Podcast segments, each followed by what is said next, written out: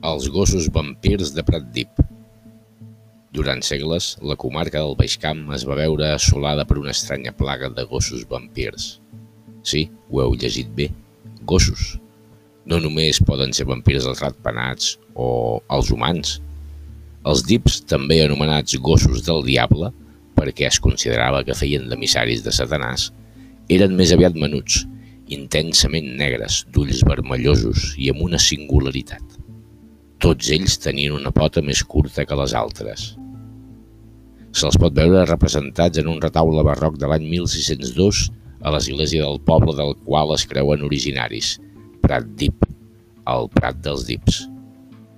També a l'escut municipal i en algunes fotografies que es conserven de l'altar de l'ermita de Santa Marina, destruït durant la Guerra Civil, on quatre sinistres dips són aplacats per la presència de la Verge. Els gossos vampirs van causar estralls especialment entre els segles XVII i XVIII. De nit sortien en grups pels camins de referradura de la serra de Llevaria i pels voltants de les masies i atacaven indistintament animals i humans, els quals xuclaven la sang fins a matar-los. Els ramats i els traginers morts pels dips van arribar a ser tan nombrosos que el poble va adquirir mala fama i ningú no rondava de nits pels seus barals. Per acabar-ho d'adobar, al castell, avui en runes, que domina el poble, es deia que hi vivia un baró vampir a l'estil del comte Dràcula, que era el qui controlava els dips.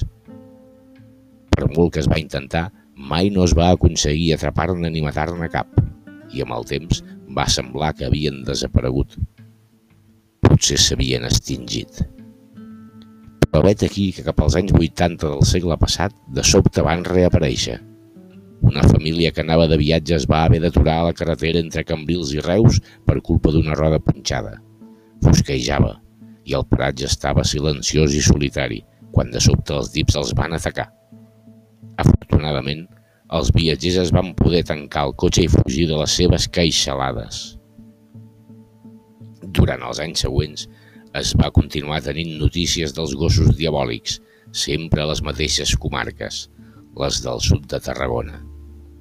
El 1989 se'n va fotografiar una tortosa a sota mateix del castell de la Suda i l'any següent uns dius van atacar els ramats del mas de Can Quadrat, a la serra de Llevaria, molt a prop del seu lloc d'origen, Prat Dip.